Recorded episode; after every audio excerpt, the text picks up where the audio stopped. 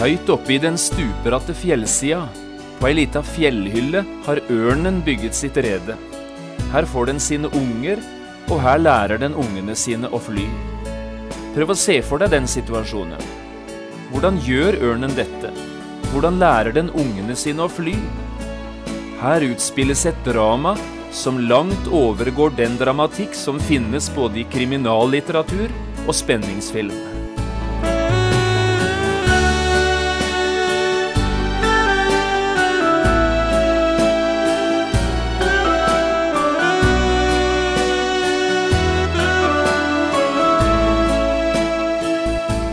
Hjertelig velkommen til et nytt program i serien Vindu mot livet. Programmet er produsert av Kristen Riksradio og blir ledet av Jon Hardang. Kristen Riksradio drives av frivillige gaver. Vi er glade for din støtte.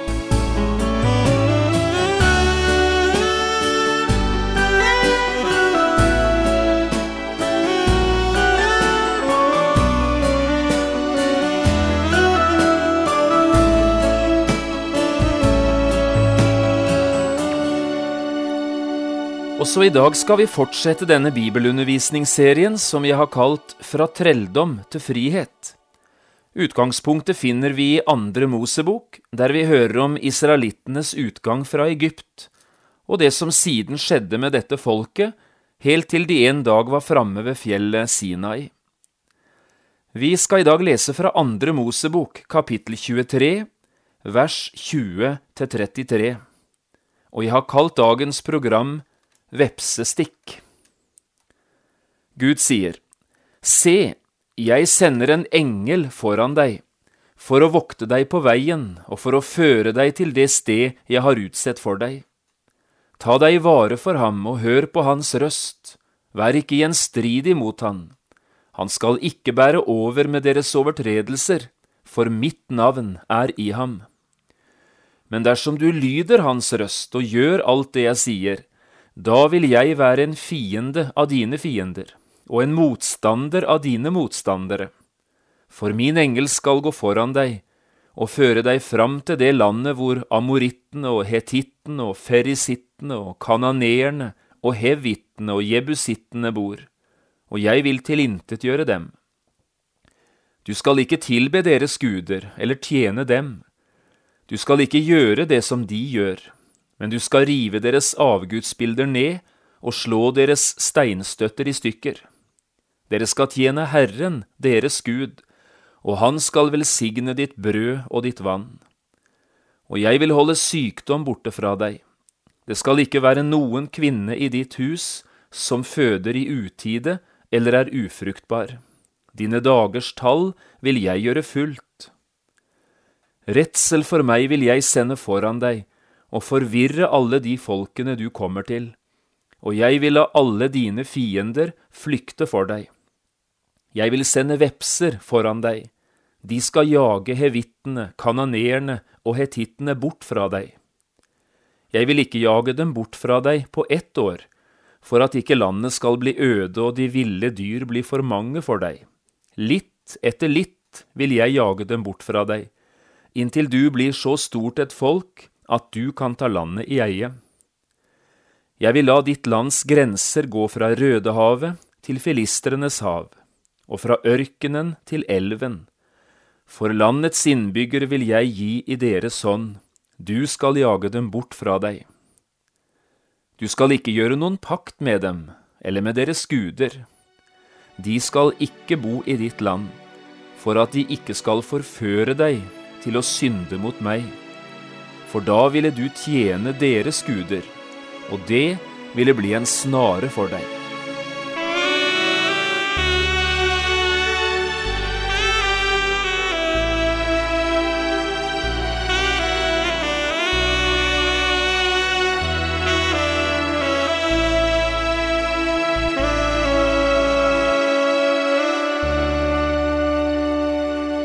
Også i dag har jeg lyst til å minne deg om de to spesielle uttrykkene som Gud brukte da han talte til folket sitt like etter at de var kommet fram til fjellet Sinai. Først sa Gud det slik i andre Mosebok 19, 4. Dere har selv sett hva jeg har gjort med egypterne, og hvordan jeg bar dere på ørnevinger og brakte dere til meg. Merk deg uttrykket på ørnevinger. Det var slik Herren hadde tatt hånd om sitt folk da han førte dem ut av trelldommen i Egypt, og det var slik han hadde ført dem den lange veien fra Egypt til Sinai. Jeg bar dere på ørnevinger. Litt senere brukte Gud et annet uttrykk, nettopp her i Andre Mosebok 23 og vers 28. Jeg vil sende vepser foran deg. De skal jage hevittene, kananeerne og hetittene bort fra deg. Her taler Gud om vepser og om vepsestikk. Den Gud som hadde ført folket sitt ut av Egypt, ville også ta hånd om dem resten av veien, helt til de var framme i Kanaans land. Han som tok hånd om deres fortid, ville også ta hånd om framtiden. Jeg vil sende vepser foran deg, sier Gud. Og dette skulle Israels fiender få merke, de som sto Israels Gud imot, vepsesvermer og vepsestikk. Merk deg disse to uttrykkene, ørnevinger og vepsestikk. På én måte forteller disse uttrykkene om samme sak, men på en annen måte forteller de om to vidt forskjellige ting. Begge disse uttrykkene forteller om Guds grenseløse omsorg for folket sitt. Han som frelste dem ut av Egypt, ville også være med sitt folk så de en dag skulle nå trygt fram til Kanans land, selve målet for ørkenvandringen. Gud ville bære sitt folk på ørnevinger. Og den samme Gud ville bane vei gjennom ørkenen og fremmed land. Dersom noen prøvde å hindre eller stanse israelittene på veien, ja, så skulle Gud sende vepser foran dem, og vepsesvermer og vepsestikk skulle skremme og avvæpne alle folkets fiender. Ingen skulle kunne stå seg mot Gud og hans folk. Ørnevinger og vepsestikk, de taler om samme sak, Gud har omsorg for sine. Men fra en annen synsvinkel taler disse to uttrykkene om to vidt forskjellige ting. Israelittene var kommet fram til Sinai-fjellet. Nå kunne de se tilbake på 90 dager med tøff ørkenvandring. Og når de så seg tilbake, ja, så var summen av det de hadde opplevd, dette. Gud hadde båret dem på ørnevinger. Dette uttrykket forteller om noe de hadde erfart. Det hørte fortiden til. Men ennå var de jo ikke framme i Kanans land, og så de framover, kunne de sikkert bli både usikre og redde. Men Gud hadde omsorg også for denne delen av ørkenvandringen, også framtiden lå i Guds mektige hånd.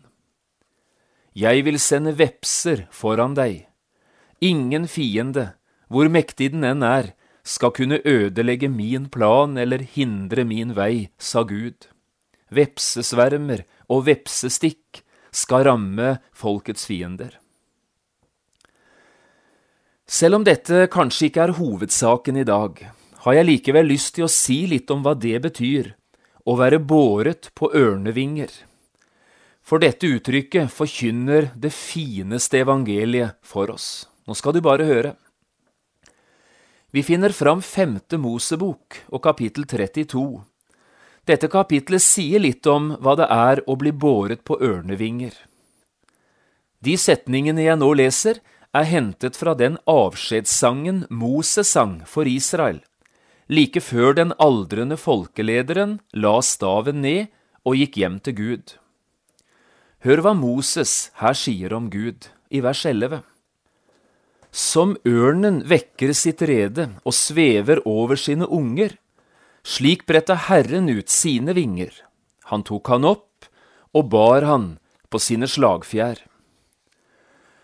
Her tegner Moses bildet av et ørnerede og det som skjer når en ørn skal lære ungene sine å fly.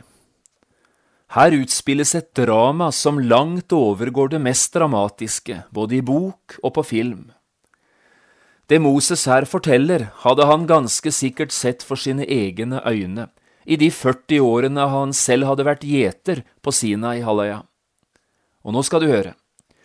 Høyt oppe i den stupbratte fjellsida, på en liten fjellhylle, der har ørnen bygget sitt rede. Der får den sine unger, én eller kanskje to om gangen. Og nå er tiden kommet da ørnemor skal lære ungen sin å fly. Prøv å se for deg denne situasjonen. Fjellsiden, den er stupbratt.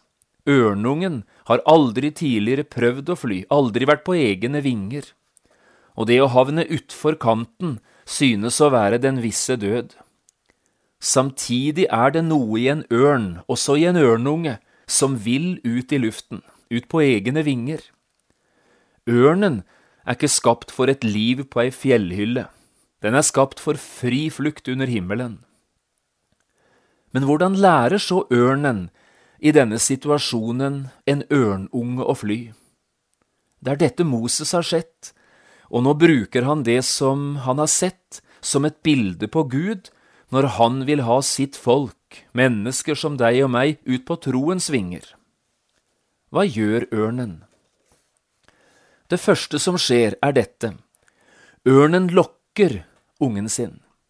En dag flyr ørnemor ut fra redet og begynner å kretse omkring, fram og tilbake foran redet. Gjennom lyd og bevegelser prøver den å lokke ungen til å våge spranget. Nettopp dette hadde israelittene opplevd i Egypt. Da Moses kom, hadde han fortalt dem om Guds plan, om trelldommen som snart skulle ta slutt, om veien til friheten, til et nytt liv og et nytt land. Han minnet dem om Guds løfter til fedrene og sa, Nå er tiden kommet for disse løftenes oppfyllelse. Og på denne måten hadde folket hørt frihetens klokker ringe. De møtte Guds kall og ble utfordret til å våge spranget. For et vågesprang ville det være å forlate Egypt og farao. Kanskje har også du opplevd dette, du som hører nå, Guds kall til frelse. Gud talte til deg, og du forsto at det var Gud som talte. Du forsto at det var deg det gjaldt. Flere ganger også før jeg ble tenåring, opplevde jeg det, å møte Guds kall. Jeg hørte en lokkende stemme i ungdommens tidligste vår. Jeg hørte den tidlig der hjemme, og minnene titt for meg står. Dette er nok ikke sted for å gå i detaljer på det, men dette har jeg opplevd ganske personlig. Guds kall til frelse. Akkurat som ørnen lokker ungen sin, våg spranget, kom deg ut på egne vinger. Noen ganger lykkes dette, ørnen klarer å få ungen til å våge spranget, men ikke alltid. Hva gjør ørnen da? Jo, nå skal du få høre noe ganske utrolig. Den ungen som ikke lar seg lokke, den blir slått ut. Ørnen flyr en dag inn på redet setter seg innenfor ungen sin og dytter ungen utfor redekanten. Dermed er det ikke lenger noe valg, ørnungen er i lufta, og den bare må prøve å fly. Jeg syns det er en helt utrolig situasjon. Også dette hadde israelsfolket opplevd, Guds slag. Ti ganger hadde Egypt blitt rammet av disse slagene. Ti plager, den ene verre enn den andre. De første plagene hadde rammet både egyptere og israelitter, men de fleste, de rammet Egypt. Vi synes nok Gud kan virke både hjerteløs og hard når han gjør det som han her gjør, men Guds hensikt, den var god. Et folk skulle settes fri fra trelldommen, fra undertrykkelse og fornedrelse. De skulle ut på egne vinger, som ørnen, ut i fri flukt. Også dette har jeg opplevd. Jeg var knapt 16 år gammel da jeg mistet far. Helt uventet skjedde det. Far døde en torsdag ettermiddag i november 1969, sittende bak rattet i bilen vår. Det var akkurat som et lys ble blåst ut. Dette er kanskje det tøffeste slaget jeg har opplevd i mitt liv. Men Gud brukte også dette til å få meg ut på egne vinger, til ikke lenger å leve på fars og mors tro, men gjøre mine egne valg. Guds godhet har mange ansikt, de viser seg på flere måter, og for meg ble dette et konkret kall til frelse. Kanskje snakker jeg akkurat i dag til en eller annen som har opplevd litt av det samme. Det var i møte med tøffe og virkelig vanskelige ting i livet at også du fant troen på Jesus og kom ut på egne vinger. Eller kanskje snakker jeg akkurat nå til en eller annen som nettopp nå befinner seg i denne situasjonen. Det er en tøff situasjon du er i, du føler deg helt slått ut, men kanskje dette er mulighetenes situasjon, også i ditt liv. Våg spranget. Så er ørnungen ute på egne vinger, for første gang, og utrolig nok, den klarer å fly. De små vingene bærer. Men utrente vinger blir fort trøtte, og det som nå skjer, er følgende. Ørnungen begynner å synke. Den som bare kunne ha kommet seg tilbake til redet igjen, men det går ikke. Redet ligger stadig lenger høyt der oppe, og ørnungen fortsetter å synke. Men ørnemor har full kontroll. Dramaet utspiller seg enda en kort tid, men så skjer det. Et stykke nede i fjellsiden flyr ørnen ned under ungen sin, og ungen dumper ned på ørnemors rygg, og så bærer ørnemor ungen sin tilbake igjen til redet. Han tok ham opp og bar han på sine slagfjær, sier Moses her.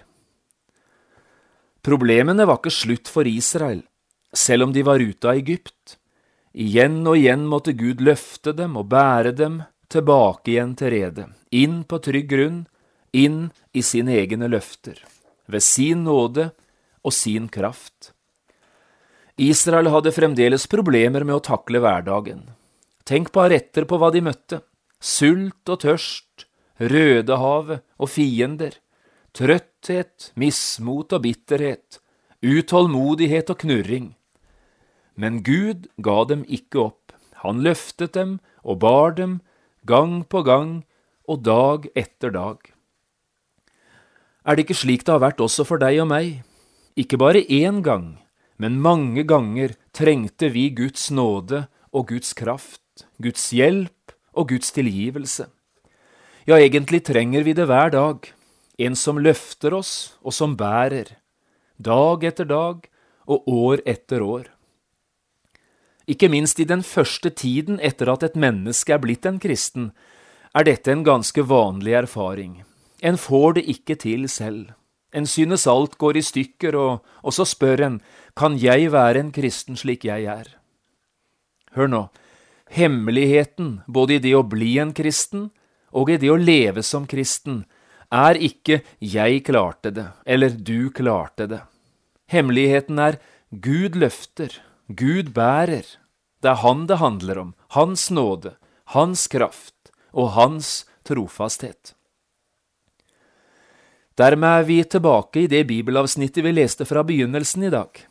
For også her handler det om hvordan Gud også i framtiden ville ta hånd om folket sitt, det han hadde båret på ørnevinger. Kan du ikke nå etter dette programmet er ferdig, ta deg tid til å lese dette avsnittet om igjen, fra andre Mosebok 23 og vers 20. Og legg særlig merke til disse to ordene Jeg vil. Det er Gud som sier det, og hele ti ganger i dette avsnittet gjentar han disse ordene Jeg vil, jeg vil. Hver eneste gang handler det om noe Gud vil gjøre for sitt folk, med tanke på dager som kommer. Dette er et helt utrolig flott uttrykk. Jeg vil. I disse to ordene ligger hele Guds program, ikke bare for Israel, men også for deg og meg.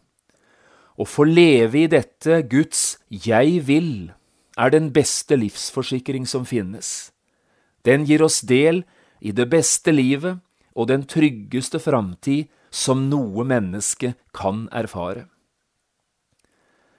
Men spør du kanskje, hvordan kan dette bli en virkelighet i mitt liv, det som du har snakket om her? Israel ble båret ut av Egypt på ørnevinger, og de fant veien inn i Kanans land bak vepsestikk. Men hvordan kan jeg få oppleve en slik trygghet i mitt liv? Det er ditt spørsmål. La meg få svare på det spørsmålet ved å si to viktige ting.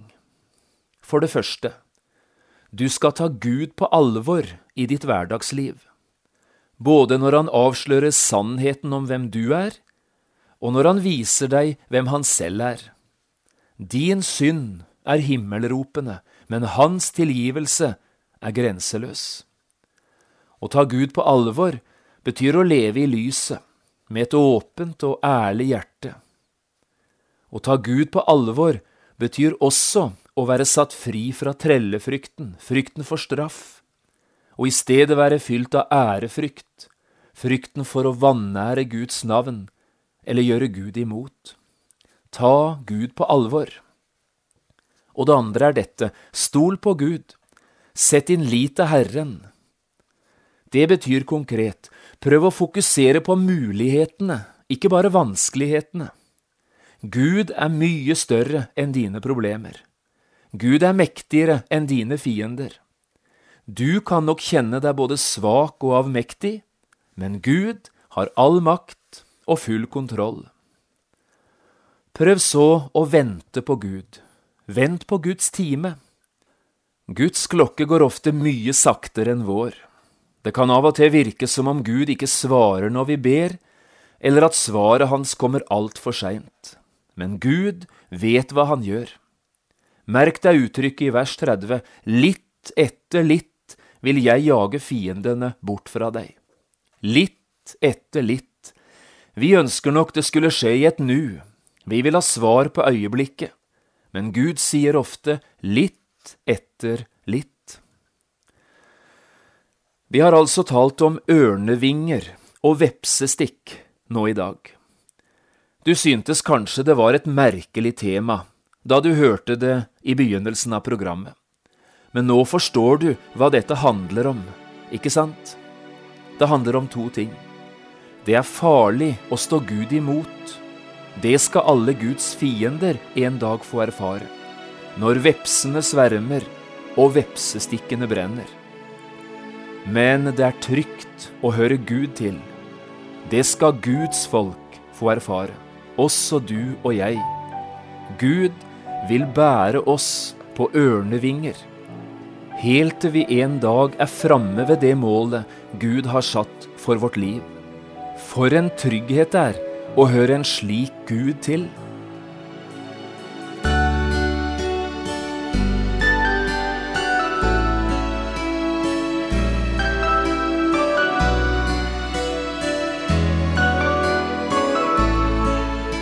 Du har hørt på et program fra serien Vindu mot livet med John Hardang. Programmene i denne serien kan også kjøpes på CD fra P7 Kristen Riksradio, eller høres på internett på p7.no. Har du spørsmål eller kommentarer til det du nå har hørt, kan du ta kontakt med oss på telefon. Da bruker du telefonnummer 56 32 17 01. Du kan også sende oss en e-post. Adressen er vml.krøllalfa.p7.no. Takk for i dag, og på gjenhør.